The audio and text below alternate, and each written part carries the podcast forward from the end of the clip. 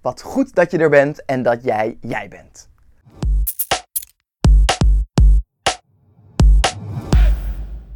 Laten we het eens hebben over verandering. Verandering is belangrijk voor ons. Er verandert voortdurend van alles om ons heen. Uh, zelf willen we ook van alles veranderen. Aan onszelf, aan anderen, aan bedrijven, werkprocessen, onze situatie, de wereld en ga zo maar door. Klopt dat? Wat wil jij op dit moment veranderen? In de kern draait nagenoeg elke verandering om gedragsverandering. Het kan al ontzettend helpen om je hier bewust van te zijn en je af te vragen welk gedrag jij nu vertoont en welk gedrag je wilt zien in de gewenste nieuwe situatie. En hiermee raak je de kern. Je wilt nieuw gedrag dat tot andere resultaten leidt. Maar veranderen is moeilijk. Heel moeilijk. Hoe kom je dan tot nieuw gedrag en daarmee tot jouw gewenste verandering?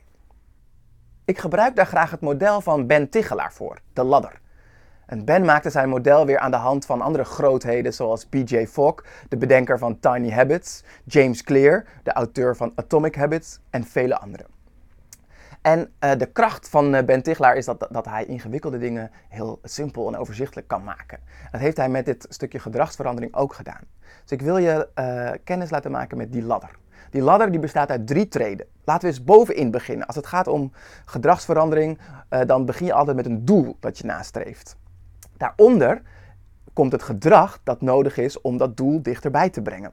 Uh, en maak dat ook concreet. Hè? Dus uh, uh, gedrag is iets wat je kunt voordoen en nadoen. Het zichtbaar voor anderen.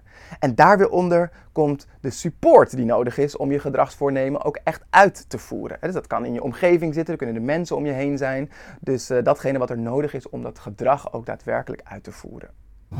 Nou, je ziet het, simpel model wat jij ook zo direct kunt toepassen. Daarom de self-disco vraag van deze week. Welke verandering speelt er door jouw hoofd? Wat wil jij op het moment veranderen? Denk daar eens over na.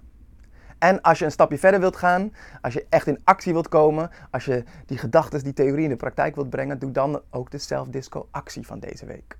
Schrijf eens voor jezelf uit welk doel jij dus hebt. Welk concreet gedrag ervoor nodig is om dat doel te bereiken en welke support er nodig is om dat gedrag te vertonen. That's it. Tot de volgende Self Disco. Leer jezelf kennen en laat jezelf zien. Ciao! En wil je verder werken aan dit onderwerp en dat samen met anderen doen? Sluit je dan aan bij de Creators Community, waar we betekenisvolle veranderingen activeren in een stimulerende en leuke omgeving. Check maar eens creatorscommunity.nl.